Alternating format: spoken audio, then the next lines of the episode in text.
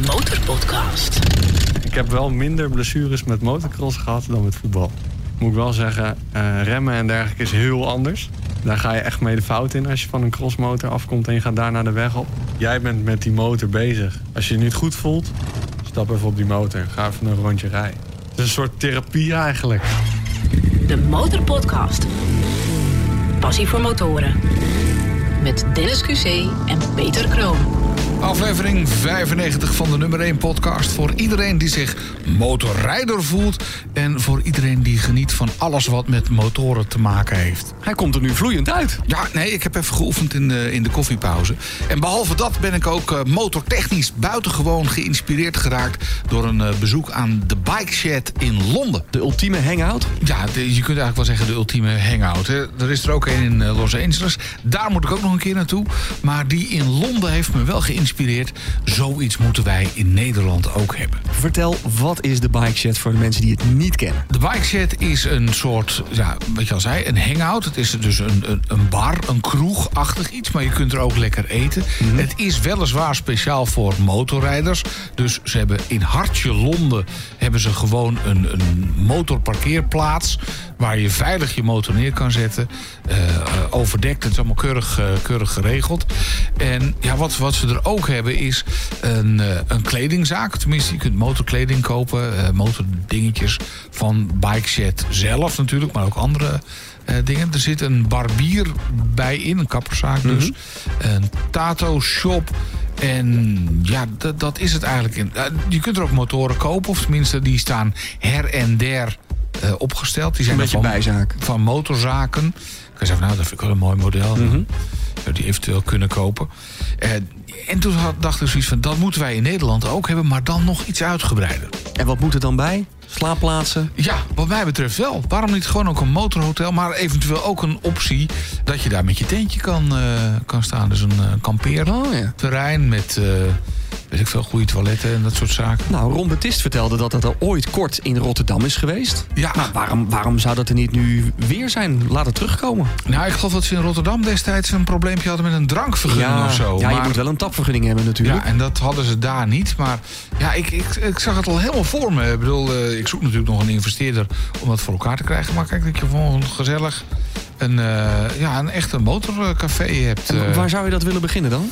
Nou, ik dacht eerst bij de Veluwe, maar... Uh...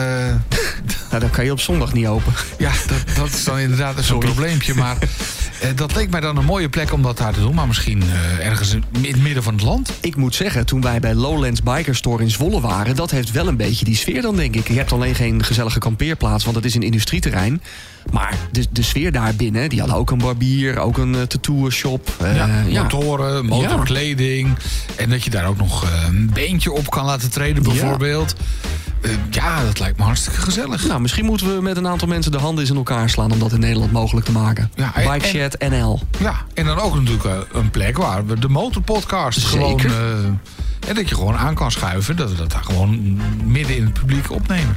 Over aanschuiven gesproken, de 15e oktober komt dichterbij. En we hebben straks misschien nog goed nieuws voor als je nog geen kaartje hebt. Want we zijn uitverkocht. Ja, maar uh, wat is nou staanplaats of zo? Had je nog uh, ja, of nou, een misschien kunnen we nog wel wat fixen. Blijf luisteren. Oké, okay, dat is uh, belangrijk. Wij, wij, gaan praten met, met onze hoofdgast. En onze hoofdgast is de jongen met het tuinhuis. Oeh. En wat gebeurt er allemaal in dat tuinhuisje? Daar zijn we natuurlijk vreselijk benieuwd naar. Nou, we, we, kunnen wel iets verklappen natuurlijk uh, van tevoren. Want hij uh, wil graag het motorcrossen promoten. En hij heeft een mooie bike meegenomen. Ja, dus uh, daar gaan we het zeker ook even over hebben. Over, ja... Dat is meer jouw ding, hè? dit, dit, is de crossmotor die ik leuk vind. Maar hij heeft zelf ook iets met crossmotoren. En ook iets met dat tuinhuisje waar ze in staan. En nou ja, goed meer dan genoeg om over te praten. En we hebben straks nog een MKC Moto Masterclass over jassen. De MKC Moto Masterclass, want ja, welke motorjas past het beste bij jou? De Motorpodcast. Achter het vizier van... Robert van Zochel. Robert, welkom in onze bike shed. Dankjewel, dankjewel. Leuk dat je er bent. Geweldig. Robert, laten we eerst even naar buiten lopen, want jouw motor staat hier voor de deur. Want de, de eerste vraag die wij eigenlijk aan iedereen altijd stellen is... Waar rij je op? En om daarachter te komen hebben we ondertussen de gevoelige motorpodcast microfoon naar buiten verplaatst. We staan hier uh, voor onze eigen bike shed op de Pirate Avenue. Ja, is eigenlijk gewoon de weg van Laren naar Hilversum. Maar goed, Pirate Avenue klinkt wat cooler. We staan bij de motor van Robert. Hij eh, ziet er dik uit, Robert. Wat is het? het is een eh, GSX-S, een Suzuki. Een 7,5 uit 2017. Ik heb hem echt net twee maanden. Eh, het is een naked bike. Met een uh, het softere modelletje van jouw R1. Het is geen 1000 cc, maar het is een 7,5. Alleen dan van Suzuki. En dat, ja, een betrouwbaar blokje. Dat vond ik in deze wel heel erg belangrijk. Waarom heb je voor, waarom heb je voor deze gekozen? Ik heb voor deze gekozen ja, dat is een goeie. Ik vind sowieso de looks vind ik wel heel erg, uh, heel erg netjes. Hij is wat scherper dan de, de meeste modelletjes. Ik heb juist niet voor een 1000 cc gekozen, omdat ik dat al een keertje heb gehad. En ik, uh, laat ik het zo zeggen, je hangt er als een vlag achteraan. Maar dat zal jij misschien ook wel herkennen als je hem vol, vol open draait. Uh, ja, dat klopt. Maar terug naar een 750 zou ik nu niet overwegen. Nee? nou, ik, ik weet niet. Ik vind het, uh, ik vind het heerlijk. En het is een 4 in lijn. Lekker smooth. En ik heb hiervoor heel veel V4 motoren gereden. Dat is wat meer bokkig. En ja, ik was gewoon toe aan een motor waar ik op een veilige manier gewoon hard kan rijden. En... Lekker soepel. Ja, lekker soepel, ja. ja.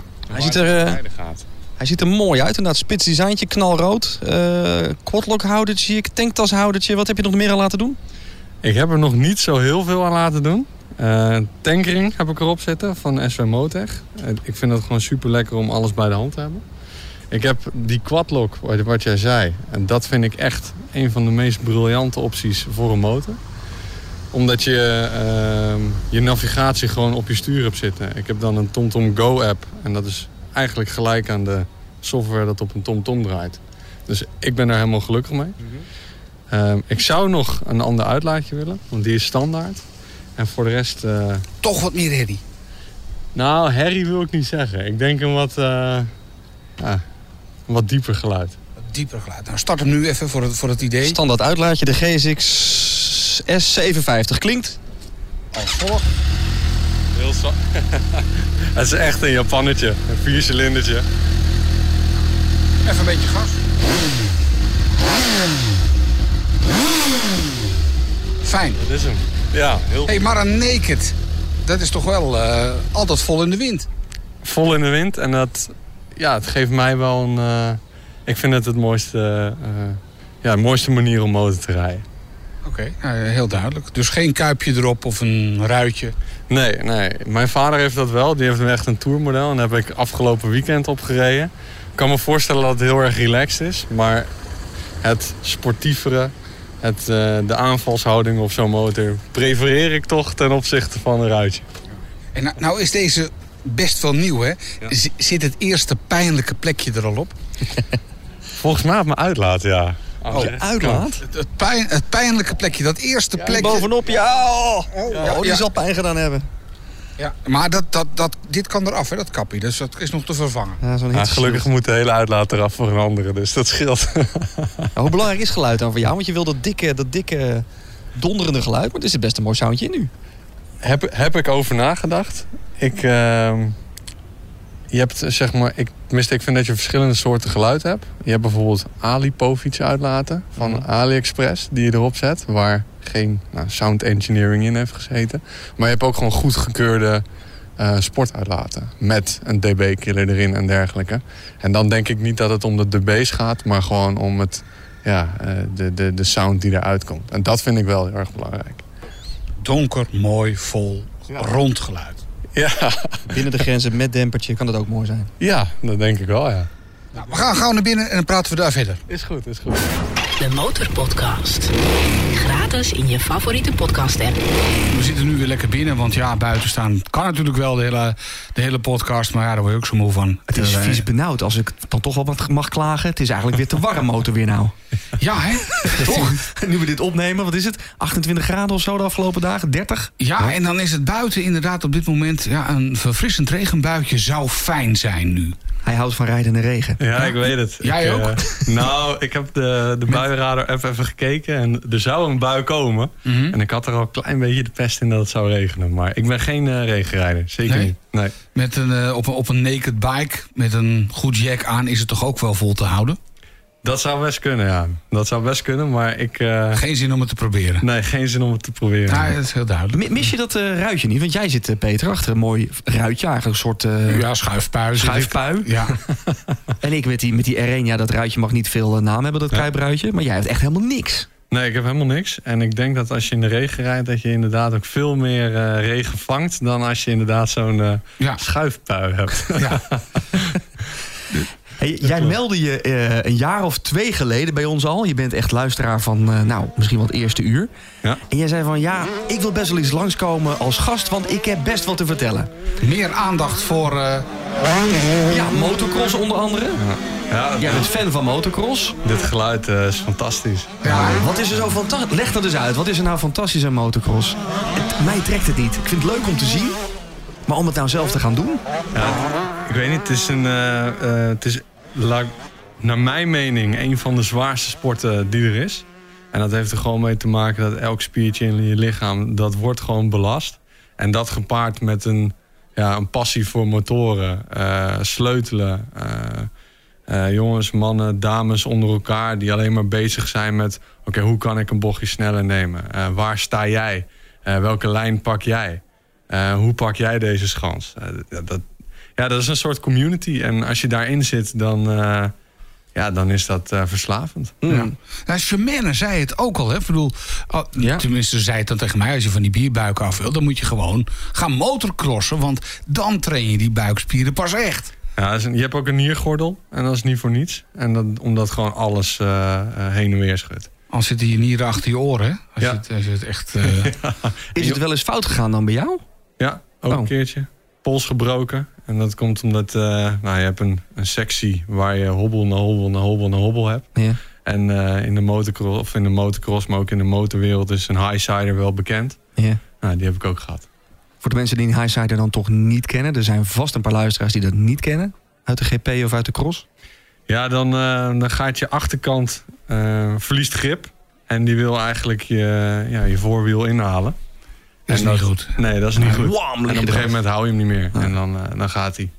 Maar ik heb wel minder blessures met motocross gehad dan met voetbal. Dat vind ik wel even Oh, belangrijk kijk. om te zeggen.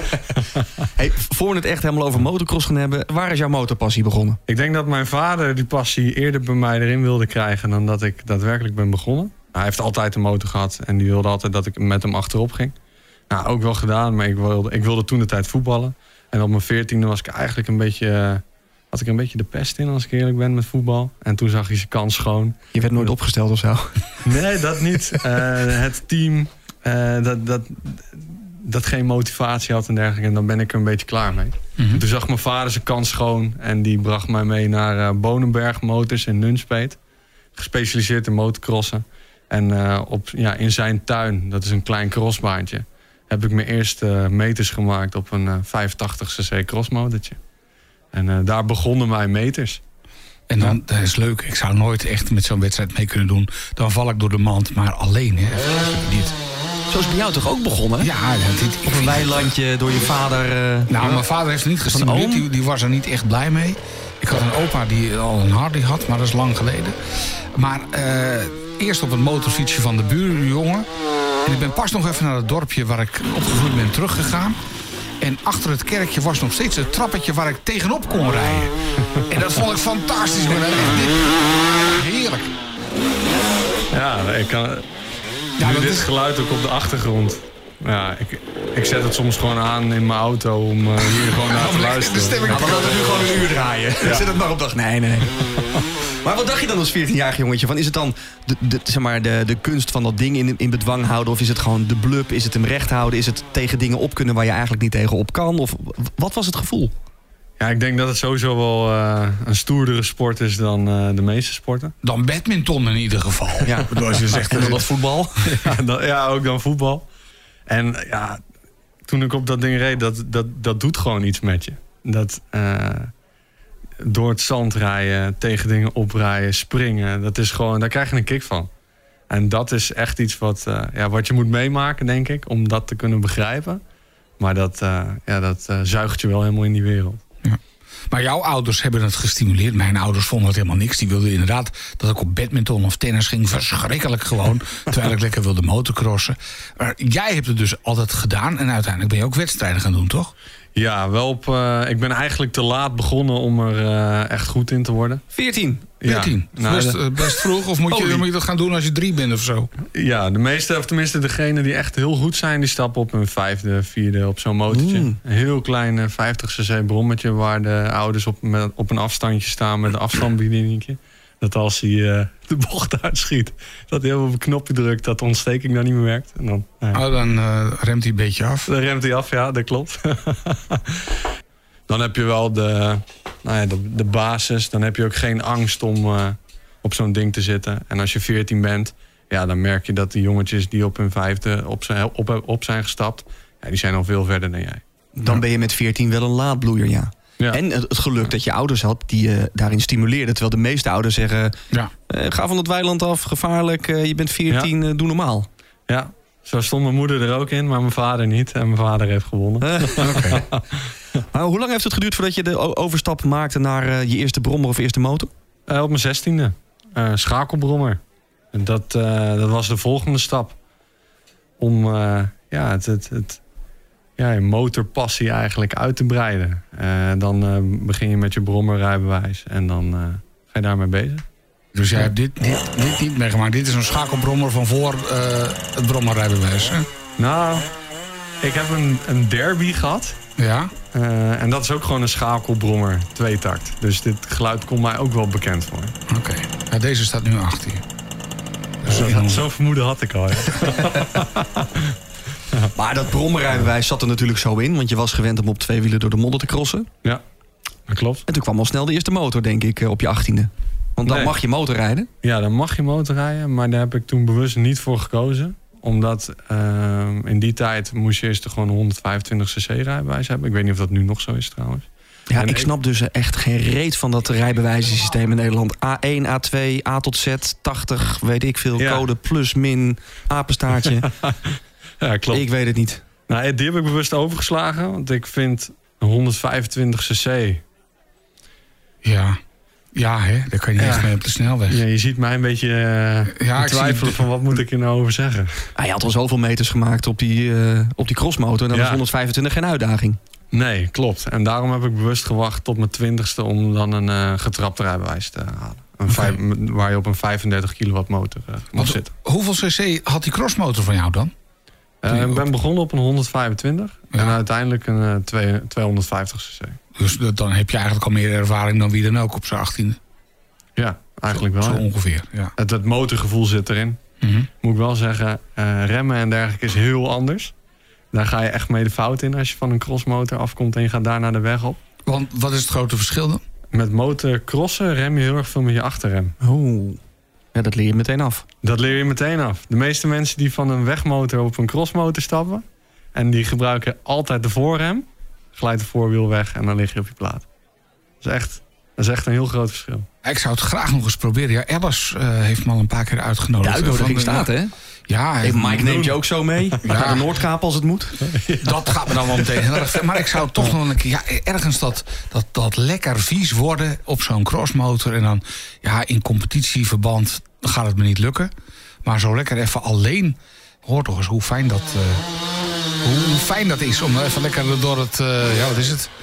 Door de duinen mag niet meer, maar... Ja, ik sta bij Lelystad. Heb je ook naast het PVI-circuit en naast Nederland heb je ook zo'n crossbaan. Nou, dat ja, is echt Daar wel... heb ik heel veel gereden. Met die jumps en zo. Oh, dat heb je misschien wel eens gezien. Ja, als ik er in de buurt ben, rijd ik altijd even langs. Het ziet er wel spectaculair uit, maar ik zie het mezelf nog steeds niet doen. Weet je wat ik ook zo gaaf vind? Dat enduro. En dan echt door zo'n pad naar boven rijden... waar ja, een soort berggeit eh, maken van die motor. En dan maar gaan, jongen. En kijken of je tegen die helling op kan komen. En Gas dan erop houden. gas erop houden. En dan...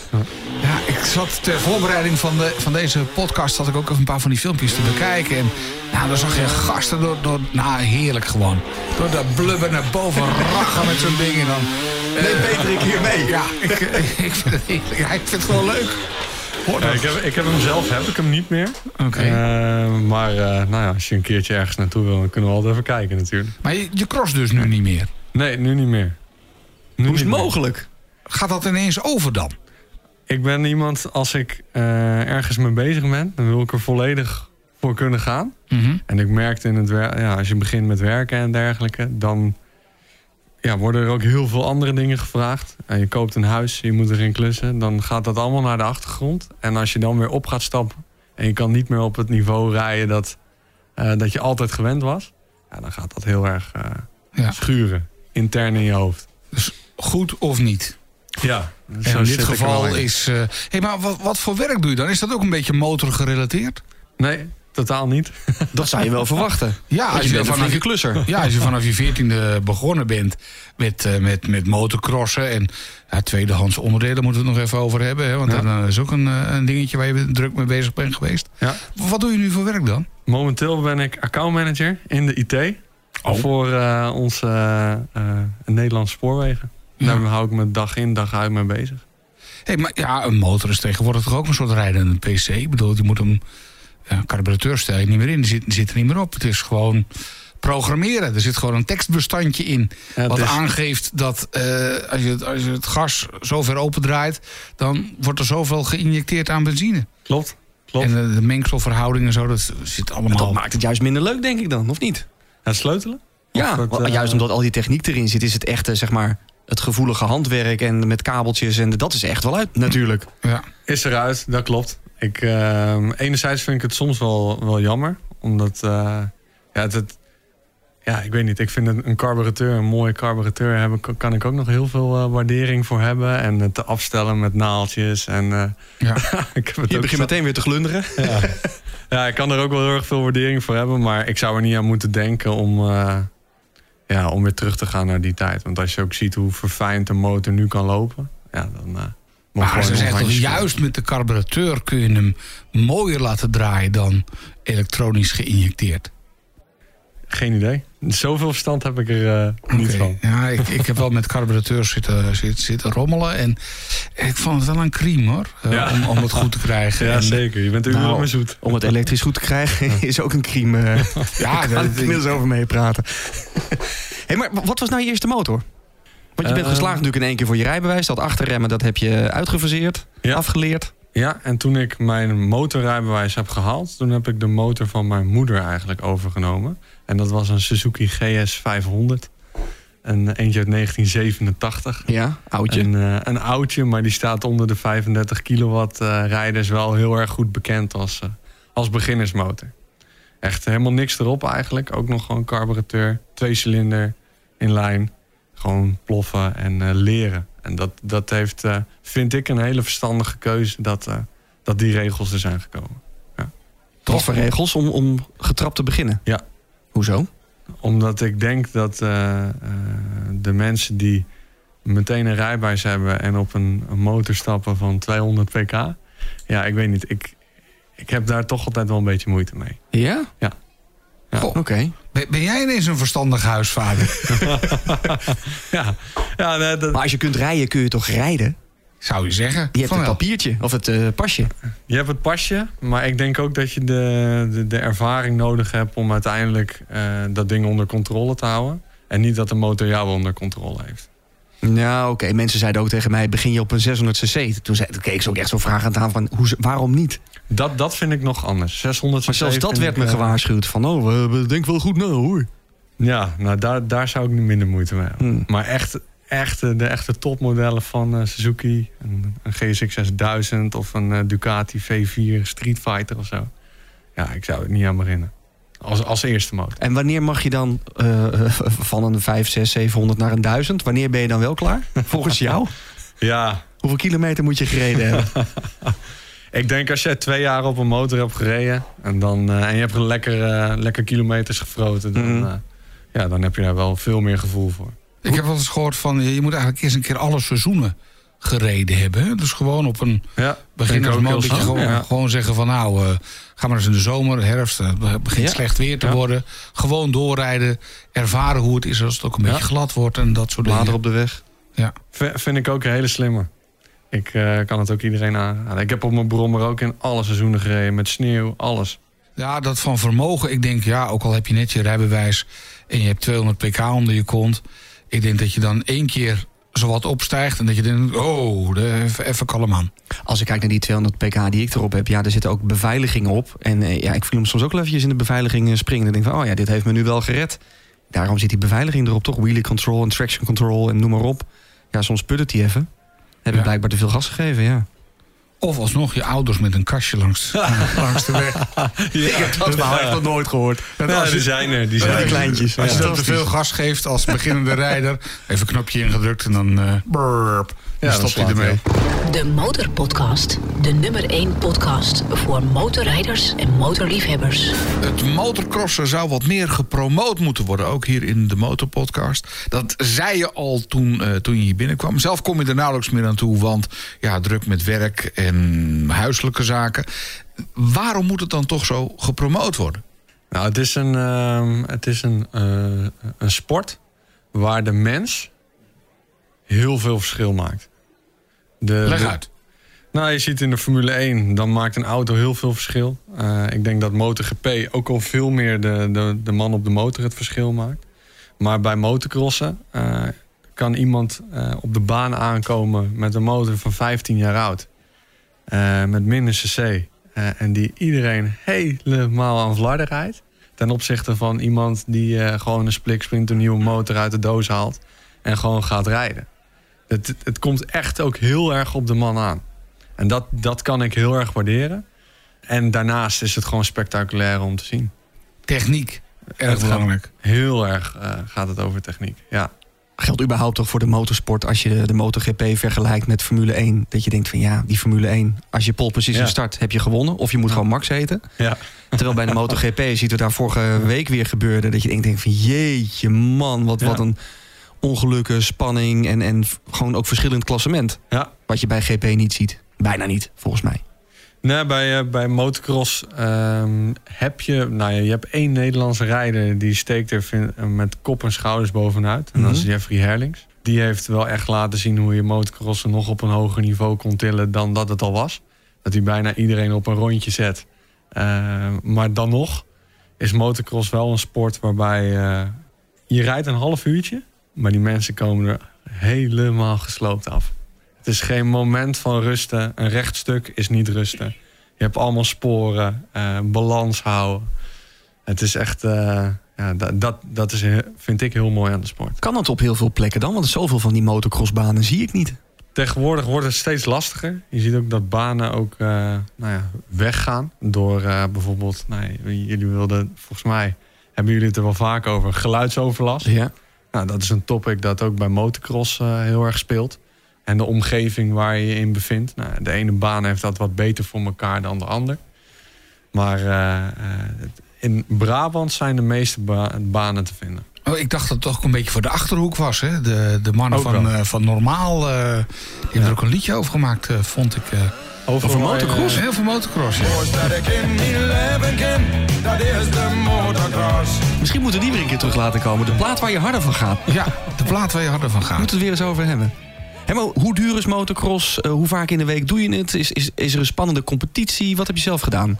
Ehm, ik ben begonnen, tenminste, mijn vader heeft toen een motor voor mij gekocht, een 125cc. Nou, die koop je van 2500 euro, heb jij wel echt een nette.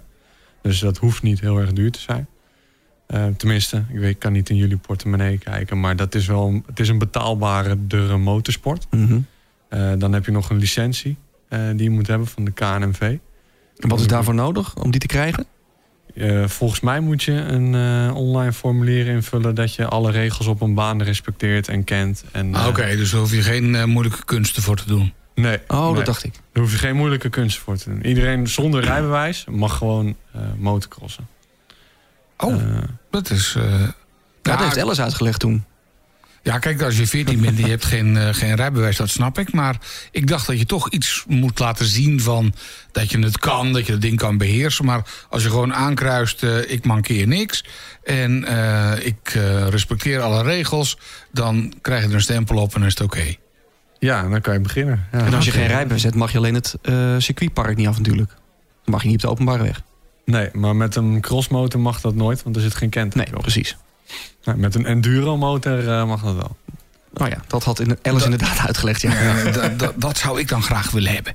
Ik zo'n enduro ding. Dat je, dat je- dat je ja. op de crossbaan rijdt en dan rij je eraf en dan ga je zo, ga je zo in huis. Nou ja, even een rondje over het circuit. Ja. Al, al lijkt me het wel verdomd lastig. Want ik, ik zat even te kijken naar wat dingetjes eh, ter voorbereiding hiervan. Maar dan zie je dus echt die sporen op een gegeven moment. Kijk, ik, als je niet op pole position, als je halverwege zit... en je moet echt... Nou, op een gegeven moment zijn die groeven... Ja, wat is het? Ja, die sporen sporen. zijn zo diep. Ja. Ik denk van, nou, dat, je zakt gewoon weg, joh. ja, soms heb je wel eens eh, banen als het lekker heeft geregend... waar je tot je voetstepjes gewoon door die sporen moet rijden. Ja, En dan is het... Ja, de meeste mensen die gaan van hun gas af als ze daarin rijden. Maar dan val je. En vaak is de houden. beste oplossing om gewoon gas te geven. Ja. ja. En dan ga je lekker rechtdoor. Ja, maar dan eh, de motor, het eh, bewijs dat je erop mag rijden, zo'n licentie van de KNMV, de, kleding. Je hebt speciale MX gear natuurlijk. Ja, motocross schoenen. Eh, je hebt vaak bodyprotectie. Ehm je hebt voor de benen... Moet ik even denken, heb je wel van die crashpads, maar die draagt niet iedereen. Je hebt eh, een nekbrace, tenminste het hoeft niet, maar dat is wel aan te raden. ja. En gewoon een motocrosshelm, een bril. Eh, benzine moet je hebben. En een karretje. Om eh, je motor mee te nemen. En een trekhaak, want anders krijg je hem niet mee. Ja, ja, ja. Ja. Maar ik hoor je over allerlei vormen van eh, eh, beveiliging en eh, protectie. Is het Ja. een gevaarlijke sport? Buiten dan dat jij je pols een paar keer hebt, gebro- of hebt gebroken? Ja, het, het is een risicogevoelige sport. Hoe harder je gaat, hoe, eh, ehm, ja, hoe meer risicovol het is. Ja, zo is het gewoon. Ja. Geldt ook voor circuitrijden. Ja, als je daar met de highsider eraf gaat, Ja. dan zou ik je ook niet eh, na willen doen. Nee. Maar hoe was het ook alweer? Met voetbal ben je toch vaker gewond geraakt dan op de motor? Ja, dat is echt zo. Ja. Kijk, dus, ah ja, Verlost motorrijden is een veilige sport, mensen. Nou ja, ik moet wel zeggen, ik ben wel altijd een... eh, mensen die omschreven mij als een beheerste rijder. Oké. Ja, niet een hele wilde. Een Ik beheerste alles- rijden. En doe je dat op de weg nog steeds? Ja, ik vind techniek heel erg belangrijk. Ja? Ik vind bijvoorbeeld zo'n circuittraining eh, eh, in Lelystad iedereen aan te raden. Dat soort dingen, dat vind ik wel echt eh, ja, vind ik heel erg leuk. Of s'avonds naar een parkeerplaats toe gaan en eh, ja, ga maar, probeer je knie maar aan de grond te leggen. En probeer dat op basis van techniek te doen. En doe dat samen met een groepje vrienden en eh, heb lol samen. Vind ik heel erg eh, belangrijk, ja. Eh, Robert, we praten zo verder. Dan gaan we ook nog even gas geven met een hele grote groep eh, crossmotoren. Maar we gaan eerst even naar Ilse voor een eh, nieuwe masterclass. De Motorpodcast. MKC Moto Masterclass. In de MKC Moto Masterclass willen we elke keer iets weten over één product of onderwerp. En we zijn weer aangeschoven bij Ilse. Zij is verkoopspecialist bij MKC Moto. Ilse, nou moet ik eigenlijk een nieuwe jas. Hè, maar ik vind de keuze zo moeilijk. Ik heb er eentje gepast van 500. Die zat wel lekker. En toen dacht ik, nou, misschien moet toch een ietsje duurdere van bijna 1000. En die zat eigenlijk helemaal niet lekker. En ik zie door de bomen het bos bijna niet meer. Wat is nou een goede motorjas? Ja, dat hangt natuurlijk af van wanneer je bijvoorbeeld gaat rijden. Dat is best wel belangrijk om van tevoren te weten. Je hebt zoveel verschillen in jassen, in veel ventilatie, minder ventilatie. De mate waarin een jas waterdicht is bepaalt ook heel erg hè, de prijs in sommige gevallen.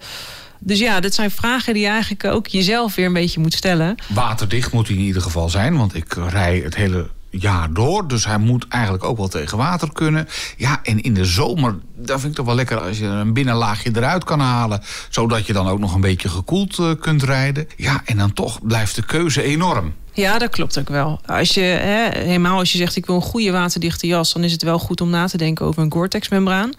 Waarom dan Gore-Tex? Zij hebben gewoon het, het sterkste membraan. Dus ze kunnen gewoon eh, de meeste hoeveelheid water aan en houden die het langst droog. En ook het meest ademende membraan. Dus daar kun je ook heel veel profijt van hebben. Als het bijvoorbeeld heel ietsje warm is, maar toch wel eh, regen in de lucht hangt. Nou heb ik op dit moment een jas waar ik één laag uit kan halen. Maar ja, je hebt jassen waar je er echt heel veel uit kunt halen. Valt gelukkig mee, het houdt wel op bij drie. Het verschil tussen twee en drie lagen jassen zijn voornamelijk de hoeveelheid aan ventilatie. Dus een tweelaags jas kan best wel veel ventilatieopeningen hebben die je open kan zetten wanneer het wat warmer weer is. Maar de regenliner blijft er dan altijd in zitten. En de regenliner is niet alleen waterdicht, eh, maar vooral ook winddicht. En dat maakt het dan wat warmer, vooral wanneer het warm is. Dus heb je een drielaags jas, dan kan die hè, losse regenliner er dan ineens uit. En als je dan je ventilatie openzet, ja, dan heb je daar gewoon meer profijt van. En dan voel je dat sneller. En met alle laagjes eruit, protectie is dan nog wel goed? Ja, zeker. Want de bescherming zit echt in de buitenlaag van de jas. En de protectoren zitten ook in de buitenlaag verwerkt. Dus je bescherming gaat er niet op achteruit. Maar je hebt wel meer ventilatie en een wat luchtigere jas voor de warme dag bijvoorbeeld. En het voordeel van die losse laag is dat je dat met nare luchtjes nog eens een keer in de wasmachine kan gooien. Ja, ook. Ja. Nou heb ik nog een heel aantal van die motorbroeken met zo'n ritsje aan de achterkanten. Waarmee je de broek dan aan de jas vast kan maken, zodat de broek niet af kan zakken. Ja, als ik dan een nieuwe jas koop, passen dan die ritsjes van al die broeken die ik heb Passen die nog? Is dat universeel? Nee, nee, helaas niet. Je ziet eigenlijk binnen de merken, hè, blijf je binnen een Revit of een Risha, eh, dan kunnen de ritsen op elkaar. Uh, mits je dus binnen Revit blijft of binnen Risha. Maar ga je een ander merk erop doen, dan zou het best wel eens kunnen dat de rits heel anders is, waardoor die gewoon niet past. Er zijn wel wat merken die bijvoorbeeld de andere kant van de rits er aanlaten, waardoor je hem eventueel nog op die broek kunt zetten als je het echt heel fijn vindt om hem wel aan te ritsen. Eh, maar helaas is het niet universeel. Ilse, en nou wil ik dus een hele mooie nieuwe jas. Maar hoe lang gaat die dan ongeveer mee? Ja, zoals we een keer eerder bij de helmen wel benoemd hebben... is dat er echt vaste levensduren aan zitten. Dat hebben we bij de jas of bij de broeken niet. Maar de mate waarin je je spullen onderhoudt... bepaalt wel ook hoe lang je spullen meegaan. Helemaal als je je jas hè, tussendoor wel echt goed wast en goed onderhoudt, waardoor die één langer mee kan gaan, maar ook de waterdichtheid gegarandeerd kan blijven. Ja, dat helpt natuurlijk sowieso. Maar hoe moet ik hem dan onderhouden? Nou ja, allereerst kun je hem uh, tussendoor wassen. Dus je hebt, als je losse voeringen hebt, die kun je tussendoor natuurlijk lekker wassen. Maar de buitenlaag ook. Uh, er zijn wel instructies voor. Ook in de jas staat wel aangegeven hoe warm je zo'n product bijvoorbeeld mag wassen. Doen vooral niet in de droger. Maar ook dat staat er allemaal in vermeld. Eh, er zijn echt speciale eh, wasmiddelen voor dit soort kleding uh, ontwikkeld. Om ook echt die membranen wel goed schoon te kunnen krijgen. Nou heb ik met een, met een vriend georganiseerd. Ik zei, ik doe mijn pak gewoon aan. Pak jij even de hoge druk. En hij heeft me gewoon eventjes schoongespoten. Toen was het pak weer schoon, maar het begon wel een beetje te lekken. Ja, dat kan. Ja, er zijn ook wel uh, middeltjes om het uh, opnieuw te impregneren. Maar bijvoorbeeld echt de Gore-Tex-membranen hebben heel veel profijt aan het wassen. Want door de iets hogere temperatuur wordt er een, uh, ja, een bestandsdeel in het membraan weer opnieuw geactiveerd. Dus als je bijvoorbeeld Gore-Tex kleding hebt, goed onderhouden. En juist het wassen kan heel waardevol zijn. En daarna kun je hem eventueel nog impregneren om de jas nog weer hè, nog extra te beschermen aan de buitenkant. Resume, heb je een nieuwe motorjas nodig? Laat je dan gewoon eventjes voorlichten door een van de verkoopmedewerkers van MKC Moto. Check de show notes, ga naar de winkels van MKC Moto of kijk op mkcmoto.nl. MKC Moto Masterclass. De Motorpodcast. Sta je voor rood en wordt je motor niet gezien? Zie je gevaarlijke wegsituaties voor motorrijders? Baal je ook zo van al die wegen waar je als motorrijder niet meer welkom bent? Motorrijdersactiegroep MAG komt op voor jouw belangen. We laten van ons horen in Den Haag, we voeren rechtszaken voor open wegen... en we lossen problemen op. Dat kunnen we nog beter doen als ook jij lid wordt. Het kost je bijna niks, nog geen tankbenzine per jaar. Kom op! Meer weten? motorrijdersactiegroep.nl De Motorpodcast. Gratis in je favoriete podcast-app. Onze hoofdgast is Robert van Zochel. Hij heeft ons aangeschreven omdat hij vindt dat de motocross meer gepromoot moet worden. Ook hier in de Motorpodcast. En ik dacht, weet je wat, dan draaien we meteen het gast erop. Met een grote groep uh, crossmotoren bij de start van een wedstrijd. En soms staan er 30 voor het starthek. Ja. En dan houden ze het 15 seconden bordje uh, omhoog. En dan 5 seconden. En dan zie je iedereen naar het starthek kijken. Ja. En dan kan op elk moment dat starthek vallen. En dan klapt dat naar beneden en dan gaat iedereen naar de eerste bocht toe. Dat is echt, uh, dat is echt heel indrukwekkend om uh, mee te maken. Op je YouTube-kanaal geloof ik ben je het zelf ook aan het oefenen met zo'n... Uh, met, Ja. met, met een crossertje. Ja. eh, De start. ja, gefocust op het valhek en dan Ja. gauw weg. Klopt, ja. Dat is, echt, dat is inderdaad mijn begintijd geweest van eh motocrossen. Nou ben je niet alleen van het motocrossen, maar je hebt ook iets met Honda eh, VFR-motoren. Dat zijn gewoon straatmotoren. En iets met een tuinhuisje. Wat heb jij met VFR'tjes? Honda VFR'tjes. Ja, dat is eh, iets heel erg bijzonders, denk ik. Mijn moeder is ooit gevallen met de wegmotor. En toen de tijd waren wij op zoek naar, naar, om die motor te repareren, naar tweedehands onderdelen. Ontzettend lastig om te, te vinden. Want een motor is 20 jaar oud, dingen worden niet meer geproduceerd. Kost hem best wel wat geld. En toen bedacht ik mezelf van ja, wat nou als ik gewoon motoren opkoop die schade hebben. En die onderdelen doorverkoop. Want toen de tijd werkte ik bij de Jumbo. Motocrossen werd erg duur en ik moest meer geld verdienen. Ook om die hobby te bekostigen. Mijn vader reed een eh, Honda VFR, een 800. En toen zei hij van ja, maar hier zijn er heel veel van gemaakt. Heel veel zijn rood. Het zijn allemaal wel betrouwbare lui die daarop rijden.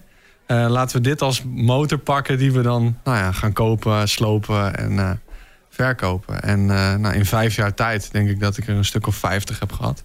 En voor je het weet staat het hele tuinhuis vol en zit je... Ben je aan het... eh, 50 van die dingen. Ja, 50. ja. Bij je ouders thuis. ja, bij mijn ouders thuis in het tuinhuisje. Ik werd ook op een gegeven moment op internet de jongen met het tuinhuisje genoemd. Ja. Ik was toen eh, 16, 17 jaar. Toen haalde ik eh, ja, al die motoren uit elkaar om eh, ja, onderdelen te verkopen. En zo bekostigde ik mijn, eh, ja, mijn hobby. Eh, en daarna ging ik studeren. Toen heb ik daar ook mijn studie nog van betaald. De Motorpodcast. Zei het aan het begin van deze aflevering al. Ik eh, ben even naar Londen geweest voor een bezoek aan de Bike Shed Londen. Een soort motorwalhalla hè, met een barbier, een tatoeageshop, een eh motorkledingshop. En zoiets wil ik hier in Nederland ook graag organiseren. Een soort eh, motorkroeg met echt alles erop en eraan. Nou hebben we al een klein beetje een soort van Bike Shed hier bij de Motorpodcast. Maar ja, dan nog net eventjes een, een stapje verder met eventueel ook een hotel. En ja, heb jij nog iets waarvan je bij jezelf denkt... nou, dat zou er dan toch ook wel bij moeten? Goede muziek. Eén ding wat ik me nog herinner, en die staat ook op de Zwarte Cross... dat is die draaimolen met van die motoren erin. Oh ja, Draaimolen met motoren. Ja, dat ik is weet wel een mooie die? toevoeging, ja. ja. Ken je die? Is, Het is niet zo'n stalen bol waar je dan in moet eh, en dan over de kop... maar gewoon echt een draaimolen met... Ja, daar eh, hebben ze motoren in gebouwd. In plaats En, van eh, zo'n bakje. Ja, in plaats van zo'n bakje, ja. En dan zit je gewoon in die draaimolen, alleen dan op een motor. Oké. En Van die crossmotoren trouwens. Ja, dat, Oké. eh, En dat zijn crossmotoren die het niet meer doen, maar gewoon leuk Ja. voor de lol. Ja. In plaats van een hobbelpaard zit je dan op een crossmotor. ja, exact. Ja, ik zei het eerder al, het is toch gek dat dat er in Nederland niet is. Wij als motorrijders vinden zo'n honk toch leuk... waar je gewoon even aan kan eh, komen, even wat kan drinken... en weer door kan rijden of even een burgertje kan eten. Gewoon Ja. even een paar motoren kunt kijken. He- Heb je in Nederland ook motorhotels? Nou ja, ik Goeie weet, vraag. nou, volgens mij niet. In de Ardennen eh, heb je het. Hoe heet het nou? In, in Drenthe, eh, met haar B&B. Ja, ja een eh, motor B&B vlakbij het circuit. Marjan Dunning. Die hebben we eerder te gast gehad. Maar het zijn er denk ik niet veel in Nederland. In ieder geval niet, niet zoals in de Ardennen of in het Zwarte Woud of de Eifel of noem maar op. Dus waar je ook, als je je uppie in kamer wil hebben... maar vooral ook waar je je motor goed kunt parkeren. Op een veilige plek. Dat je hem ook goed op slot kan doen en zo. Ik eh, vond bij die bike set in Londen hadden ze dingetjes in de grond zitten. Dan kon je een soort beugeltje opklappen... en dan kon je dan je slot goed doorheen doen. Slim. Ah, Ja. ja. Weet je, zoiets. Daar word je als motorrijder toch blij van, hè? Ja, eh, dat zou ik graag in Nederland ook willen doen. Dus ik, ik zoek toch- naar een investeerder. Ik had hem eh, aan de randje Ardennen eh, ook gewoon bij een normaal hotel gezet. Ja, als je hem even netjes neerzet, moet het ook gewoon kunnen. Tuurlijk. Maar Maar als er echt rekening mee Ja, gehouden dat is wel fijner. dan, ja. Dat is wel Maar- lekker. Ja. waar zou jij zo'n hotel het liefst zien dan? Waar rij je het liefst in Nederland?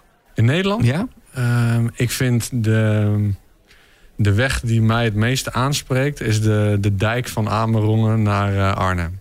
De, oh ja, ja. Dat vind ik echt zo'n fantastisch stuk. De zuidkant dan. Eh, ja, de zuidkant. Ja. Klopt. Vind ik zo overzichtelijk. Eh, mooie bochten. Ja, geweldig. Ja, dan, moet er, eh, dan, dan kan je niet al te veel aan het uitlaatje doen. Hè? Nee, we zijn druk met bellen met dijkbewoners en mensen van de NEFON. De organisatie die zich verzet tegen motorrijders. Hij gaat er echt komen, de discussieaflevering over geluid. We gaan hem binnenkort maken. Met een dijkbewoner, bewoonster. Want die mensen zien je liever gaan dan komen. Ja, dat geloof ik ook wel, ja. Dat geloof ik ook wel. Maar toch op het dijkje rijden. Dat is in Nederland is dat de meest bochtige route die je kan pakken. En als een motorrijder word je blij van bochtige routes. Dus dan Dat is waar. Dus dan is de dijk in Nederland het meest geschikt daarvoor. Ja. Nou, we het toch over bochten hebben. Laten we de zes versnellingen even doen. De Motorpodcast. Snel schakelen. De zes versnellingen. Het idee is simpel. Snel antwoorden op de vragen motor slopen of motor kopen. Kopen. Honda of Aprilia. Oeh. April, ja. Nooit meer op vakantie of nooit meer motorrijden. Nooit meer op vakantie. Bochten of hard rechtdoor. Bochten, 100%. Het hele jaar door of alleen het seizoen. Seizoen. Motocross of toch MotoGP. Motocross. Dan waren ze. Wil je nog meer horen van onze gasten? Word dan vriend van de Motorpodcast. Kijk op demotorpodcast.nl. Waarom Aprilia en geen Honda? Ik denk dat als je een verstandige keuze wil maken, dat, eh, dat een Honda echt een hele goede motor is om op te zitten. Maar die Aprilia, ondanks dat hij me financieel erg veel pijn heeft gedaan, heeft hij toch nog wel een plekje in mijn hart. Oh, leg even uit. Hoezo? Veel pijn gedaan? Echt Nou. gewoon veel gekost? Ja, echt veel gekost. Dus eh, versnellingsbakproblemen, de distributieketting, steller, eh, de oliedruk die was eraf. Ja, dat zijn geen leuke reparaties. Dan ben je niet een paar honderd euro kwijt. Dan ben je een paar duizend euro kwijt. En dat, ja, dat, dat kan ik nu gewoon niet betalen. Dus daarom ben ik er wel vanaf gegaan. Maar als ik die honderdduizend euro had, dan... eh, Komt er een aprilaatje? Ja, doen we straks, doen we straks. Hele jaar door of seizoen, toen zijn meteen seizoen. Ik denk, jij bent een heel jaar doorrijder. nee. Als je toch die cross gewend bent, dan eh, boeit het een beetje regen of eh, kou. Ja, maar dan, ik heb er dan eh, op de weg geen plezier in. Oh, Oké. Nee, als het eh, keihard regent, ga ik niet naar buiten. Als het sneeuwt, ga ik ook niet naar buiten. Nee. Als het eh, drie graden is en het zonnetje schijnt in de winter, Heerlijk. dan, eh, dan ga ik er wel op uit. Ja. Maar dat, op kou kun je kleden. Dat is waar. Ja. Motor slopen of motor kopen? Toen werd het toch motor kopen. Echt dat slopen ga je niet meer doen, hè? Nee, ga ik niet meer doen. Ga ik niet meer doen. Want je bent klaar met de vieze handen? Niet met vieze handen, maar ik vind het handelen, het, het verkopen, ook wat ik voor mijn werk doe, dat vind ik leuker dan, eh, ja, dan, dan het sleutelen. Deze aflevering zit er alweer bijna op. We moeten de post nog even doen. Heel veel post dropten jullie in onze mailbox info@demotorpodcast.nl. Als het goed is hebben jullie allemaal reactie gekregen en de leukste mailtjes hebben we er even uitgekozen, want ja, complimenten eh, zitten we altijd op te wachten. Steve Westerlaak die schrijft: "Goedemorgen. Ik hoorde net in de podcast dat jullie interesse hebben in het afstellen van de motor.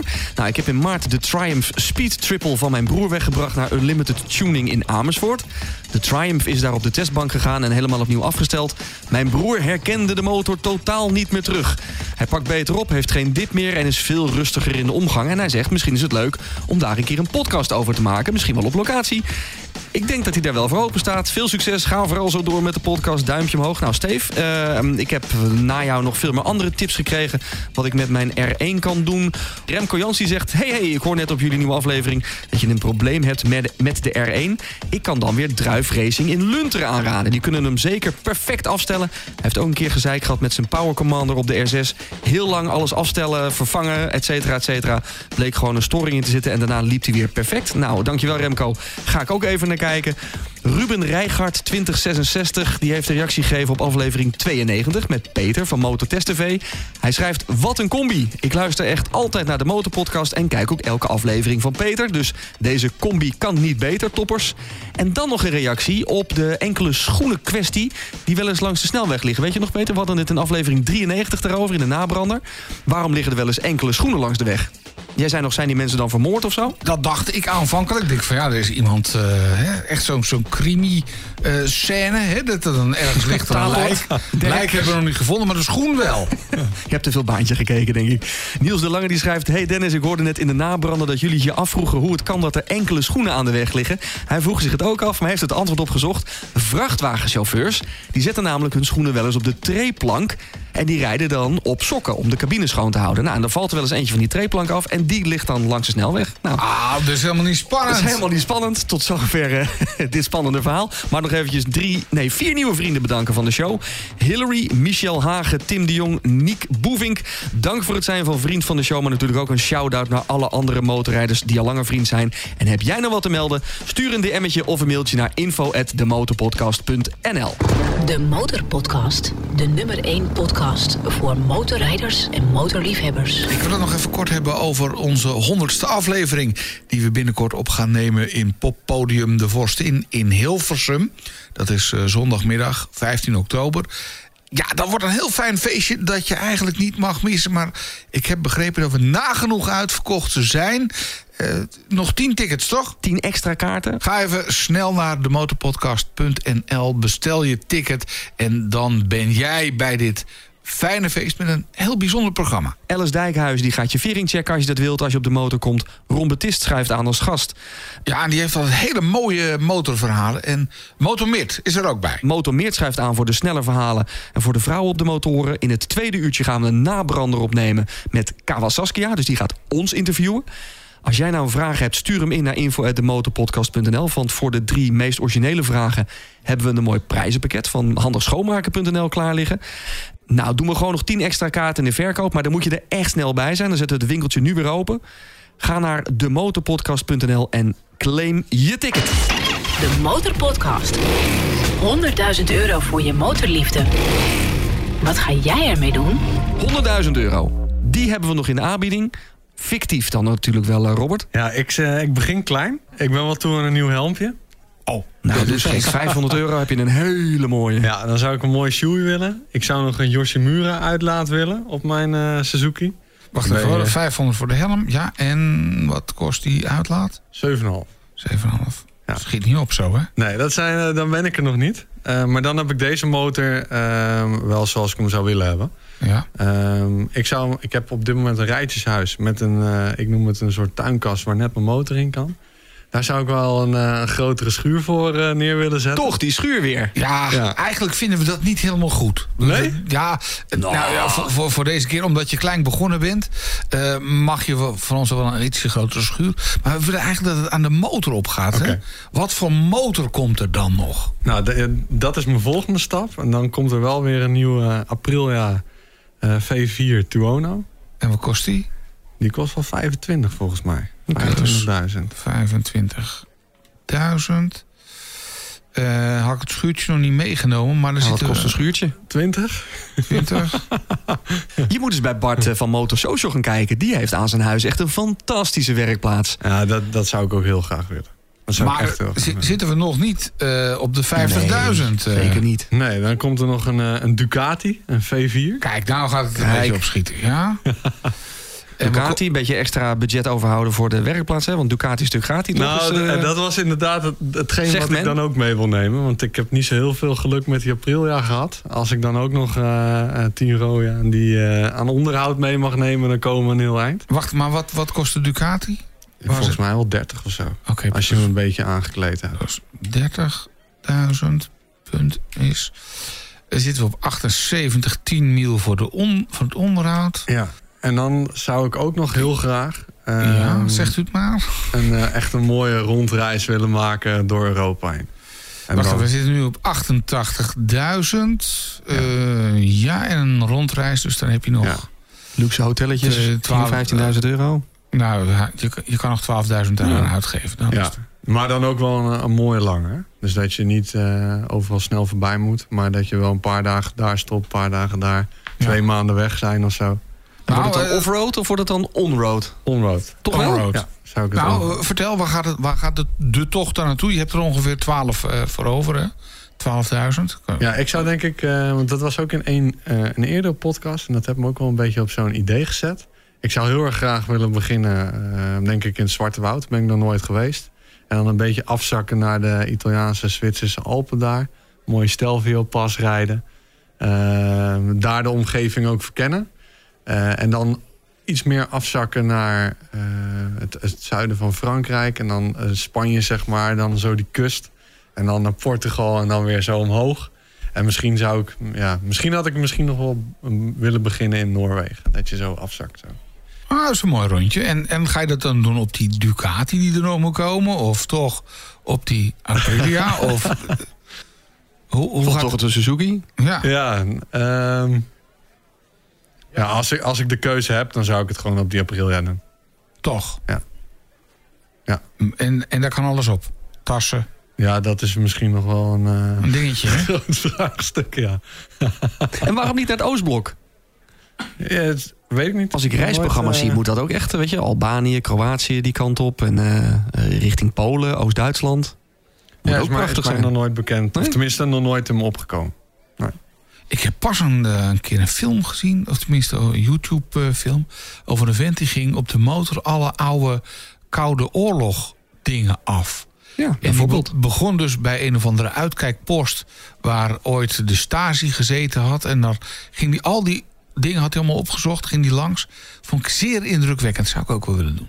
Ja, en een van de eerdere afleveringen hebben we het ook gehad over... Uh, wie was het nou? Die was naar een... Uh eh, zo'n straaljagerbunker geweest. Ja, in Kroatië. Ja. Die, die heb ik ook geluisterd. Ja, was aflevering 68 met Maurice. Van eh, een of andere koning, volgens mij. Ja. Die had daar eh, in de bergen zo'n eh ondergronds eh, Precies. Straaljagerpark. Ik zou dan eerder daar naartoe rijden. Denk ja, de, de Côte d'Azur. Alhoewel, de video's van eh, Peter van Mototest TV...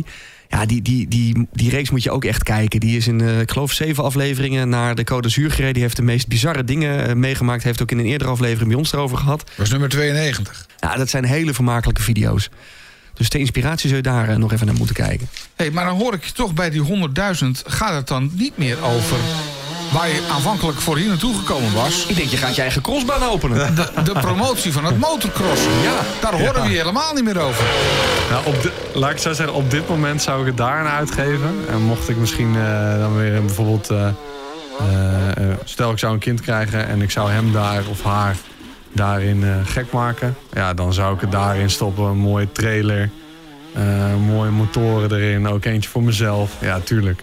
Alleen op dit moment, hoe ik nu in mijn leven sta, zou ik het eh, anders besteden. Als je nou zit te luisteren en denkt van ja, even, jullie moeten toch eens over, vaker over motocross praten, dan eh, meld je dan vooral bij info@demotorpodcast.nl, want wij vinden dat elk facet van motorrijden moet gewoon voorbij komen. En we zijn ons ook wel bewust, ja, het motocrossen hebben we het eigenlijk in de afgelopen drie jaar toch wel te weinig over gehad. Als je hoort hoe een actieve en grote sport dat is in Nederland.